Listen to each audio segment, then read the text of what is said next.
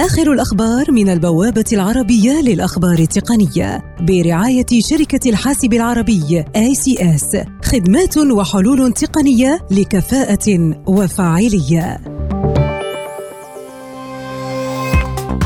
شركة أمازون تطلق رسميا سوقها الخاص بمنطقة الشرق الأوسط أمازون dot AE وذلك بعد نحو عامين على الاستحواذ على منافستها السابقة في المنطقة سوق dot com مقابل 580 مليون دولار أمريكي.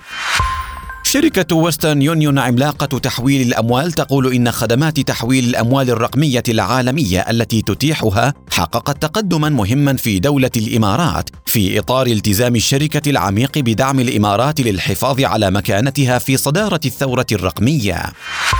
أسهم شركة أبل تشهد ارتفاعا بنسبة 5% تقريبا لترتفع معها القيمة السوقية للشركة إلى ما يقرب من تريليون دولار أمريكي إذ نجح تقريرها الخاص بالنتائج المالية للربع الثاني في تهدئة المستثمرين القلقين بشأن انخفاض مبيعات هواتف آيفون.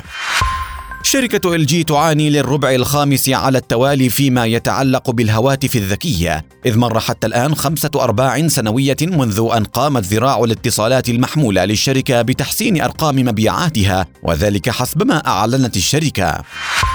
هواوي تعتزم تقديم أول جهاز تلفزيون 5G في العالم في وقت مبكر من هذا العام وتخطط لاستخدام أجهزة التلفزيون الداعمة لميزة الاتصال الخلوي والحواسب الشخصية الجديدة لتحدي سامسونج وآبل.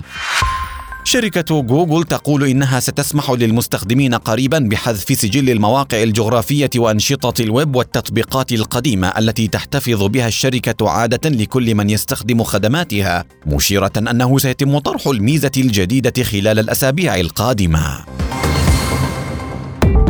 آخر الأخبار من البوابة العربية للأخبار التقنية برعاية شركة الحاسب العربي ACS خدمات وحلول تقنية لكفاءة وفاعلية.